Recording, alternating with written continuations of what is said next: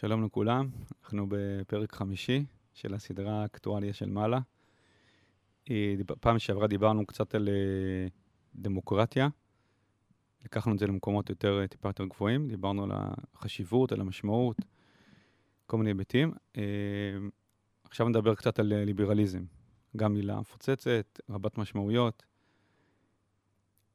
לפני שאני אתחיל, אני רק אגיד ש... קורה משהו סביבנו. עכשיו, כל אחד שהוא ער למה שקורה סביבו, הוא משתמש בכלים שיש לו, בתובנות שיש לו, בדברים שהוא מכיר, בסט כלים שיש לו בהכרה, כדי לסדר, לנתח, להבין, לפרש את מה שקורה סביבו. כשקורה משהו חדש שהוא לא ציפה, בהתחלה הוא מנסה להשתמש באותם כלים, כדי להסביר את זה. כי זה מה שהוא מכיר.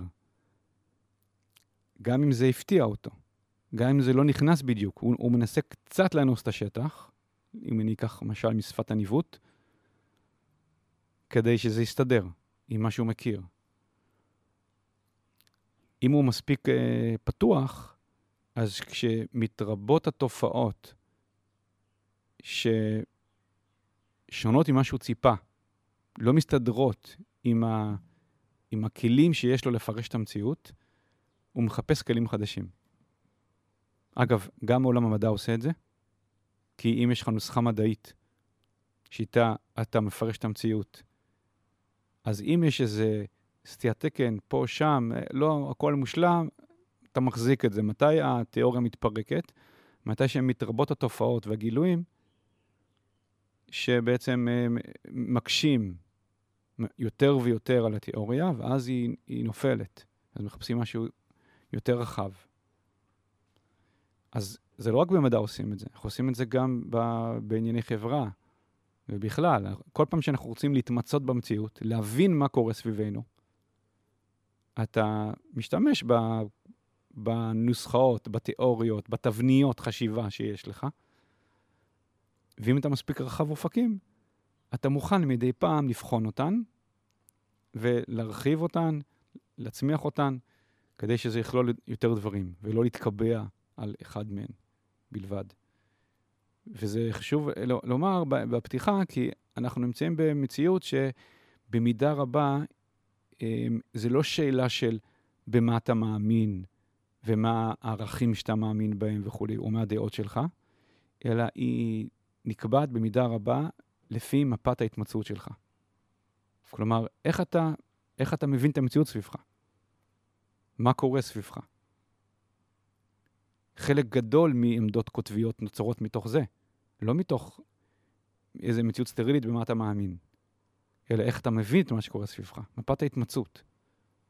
ולכן זה מאוד חשוב לדבר על מפת ההתמצאות אה, ולבחון אותה להרחיב אותה, לדייק אותה, כי זה ייתן לנו כלים ממילא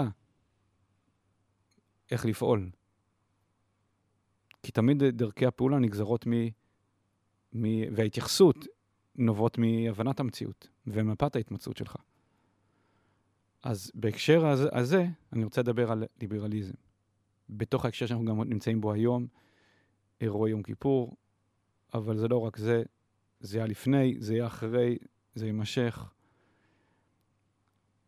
אז המילה הזאת היא, היא כוללת, בעולם הימין והשמאל כבר לפני שנים רבות התפלגו סביב, סביב השאלה הזאת, סביב בעצם הדגש העיקרי סביב המילה הזאת והערך הזה. אבל אני רוצה לדבר פה על מה שנקרא הקלאסי. והקלאסי, הליברליזם הקלאסי, הוא בעיקר מדבר על היעדר כפייה. אפשר לייחס לו משפטים כמו חטא אין לחיות. הוא מקדש את זה שהאדם עושה דברים מרצונו החופשי. ממילא הוא מקדש חופש הביטוי, חופש המחשבה.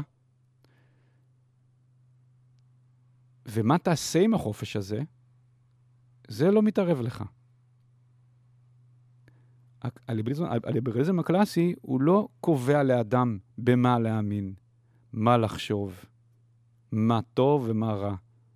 הוא רק אומר שמה שבעיניך טוב, תקדם בדרכים, בדרכים של חופש.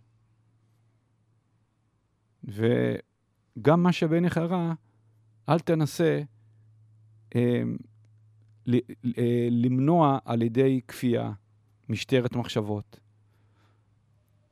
כלומר, זה לא בדיוק אידיאל, אלא זה יותר אה, פרוצדורה חשיבתית, חברתית, שהיא, שהיא מעוניינת מאוד שדברים יקרו בצורה חופשית, ולא תשתמש בתחושת הצדק שלך כדי להפריע למישהו, לכפות משהו על מישהו. אלא אם אתה כל כך צודק, אז בסדר, תכתוב, תדבר, תשמיע, ואם הוא יחשוב, ואם זה יתיישב על ליבו, אז הוא יקבל, ואם לא, הוא לא יקבל.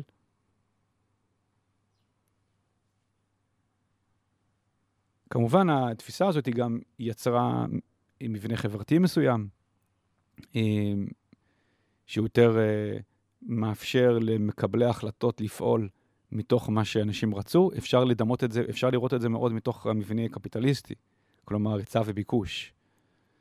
ובעולם, יש קשר הדוק בין ליברליזם וקפיטליזם, כי בעולם אה, חופשי, אז לא רק הסחורות, אלא גם הדעות, הן מופצות מתוך היצע וביקוש. ואתה מוזמן להציע דעותיך, כמו שאנשים מציעים את הסחורה שלהם. ואם זה יהיה מתקבל על הדעת ואנשים ירצו בזה, אז הם ייקחו את זה. ואם הרבה אנשים ייקחו את זה, אז זה גם יהיה אה, תפיסה שתוביל בחברה. אבל זה יהיה בדיוק כמו שאם הרבה אנשים יאהבו פרמה מסוימת, אז uh, כולם יקנו את הפרמה הזאת. עכשיו, אתה יכול להגיד על זה הרבה דברים, uh, זה, שלפעמים הרוב uh, שבחר בזה הוא לא צודק, בסדר, גם יכול להיות שהרוב בחר בפרמה שהיא לא טובה, וסתם כי כולם עשו את זה. יכול להיות הרבה דברים, אבל לא תתקן את זה על ידי כפייה. אלא רק לדבר על, לב, על ליבו של אדם, על דעתו של אדם. ו... בתחילת הדרך, הליברליזם מהסוג הזה היה מאוד מזוהה עם חילון.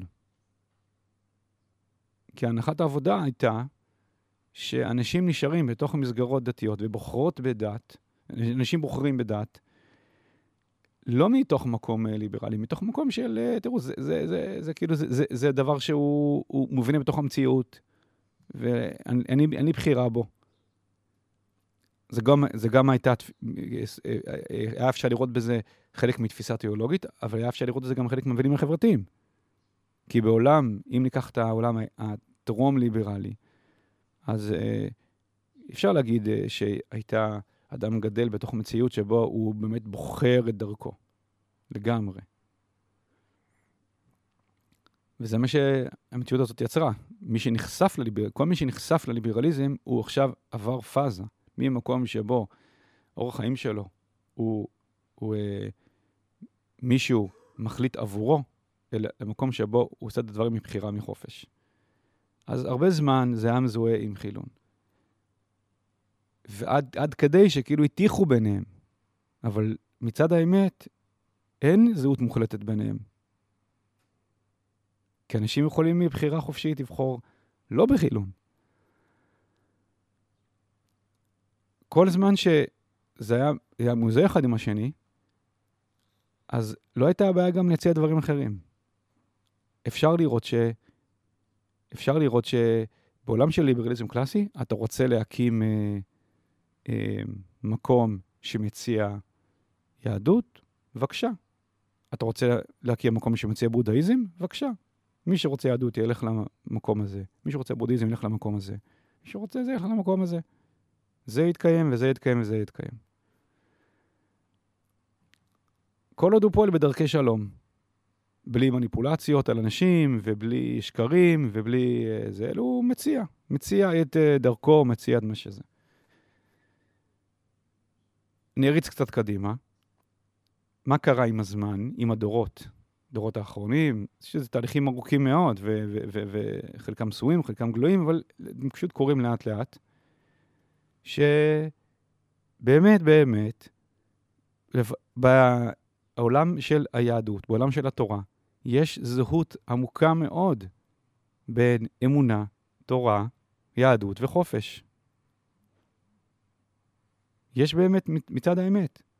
ולכן, לא מתוך איזה כפייה של, לא מתוך איזשהו אה, אה, קבלת בלית ברירה של אה, אידיאל שהמציאו בעולם המערבי, אלא מצד האמת. יש זהות עמוקה בין הליכה בדרך השם, אמונה, תורה וחופש. והתנגדות לכפייה. וכמו שהמשפט המפורסם, האמת תורד דרכה. מה זה האמת תורד דרכה? זה אומר, אם יש לך משהו אמיתי לומר, אם זה אמיתי באמת, אז זה יתיישב בלב בסוף. מפה, משם, ביתו וזמנו זה יתיישב בלב. ולכן אין לך מה... אז מהמקום הזה, יש מקום לסבלנות רבה, סובלנות, וזהוי, ו... וזהות, הזדהות עם סוג כזה של ליברליזם. לא בגלל שאנחנו לא מאמינים שהתורה היא אמת, ועם ישראל צריך ללכת בדרך התורה, היא צריכה, עם ישראל צריך ללכת בדרך, בדרך התורה. אבל הוא יעשה את זה בעיתו וזמנו, בדרכו, בדרכי נועם ובחופש. לא שמישהו יכפה עליו משהו. אבל זה, זה יסתדר. עכשיו, לאט לאט, לאט לאט, החילון המוחלט, הקיצוני, הטהור, נקרא לזה ככה, מאבד את האחיזה שלו בליברליזם. הוא לא מצליח לשכנע, לשבות אנשים בצורה שהוא הצליח בעבר, באותם היקפים, באופן הזה. אלא אנשים בוחרים על סקאלה מסוימת של חיבור למסורת, ליהדות. אז זה לא שחור לבן, יש תמיד סקאלה. אבל בסופו של דבר, העולם החילון לא מצליח באותה מידה כמו בעבר. הוא מאבד את האחיזה שלו בליברליזם. ובהינתן מצב של חופש, אנשים רבים מדי בוחרים בזהות יהודית באופנים שונים, בצורות שונות, על סקאלה. ואז קם פלג, ויש פה פלג, שקם, זה לא העולם החילוני, אבל זה פלג מסוים בתוכו, שלא מספיק לו היעדר כפייה, אלא מבחינתו היעדר כפייה זה רק טקטיקה כדי להרחיק אנשים מזהותם היהודית. ולפלג הזה יש, יש גם שורשים בשמאל. זה גם נקרא ליברלי, אבל ליברלי מהפכני, כביכול ליברלי מהפכני, שמבחינתו החופש הוא רק אמצעי להיעדר זהות דתית, יהודית, ואז הוא יהיה יותר אקטיביסטית, לא לאפשר, כביכול במרכאות כפולות, לא לאפשר לאנשים מרצונם החופשי להשתעבד אל הדת. והפלג הזה, הוא, יש לו שורשים גם בישראל, כלומר, אצל יהודים, יהודים אה, אהבו אידיאולוגיות מהפכניות. אז הם הלכו בדרך הזאת בעבר, וגם פה. זאת אומרת, בסוף הליברליזם עצמו הופך להיות סוג של דת. ממש דת. זה הופך להיות דת. ממשהו שמאפשר לאנשים לבחור דרכם, זה הופך להיות דת שחייבים להאמין בו. ומי שלא, לא בבית ספרנו. ביי, להתראות. אז נוצר, עכשיו מתעורר מחדש פלג כזה. עכשיו, הפלג הזה, הוא מתפלג, ממש בימים אלה, הוא מתפלג מהפלג של קפלן.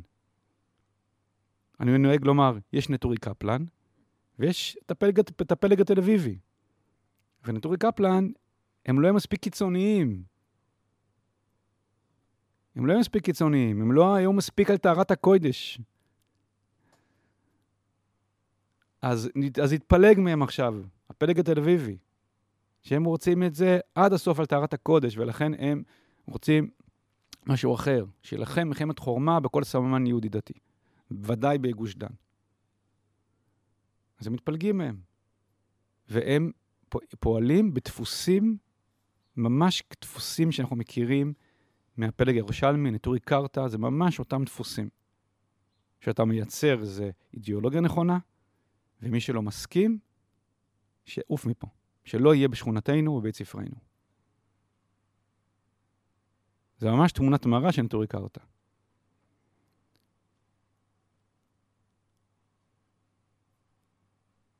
אז, אה, אז זה מה שמתרקם מול, מול עינינו, הדבר הזה.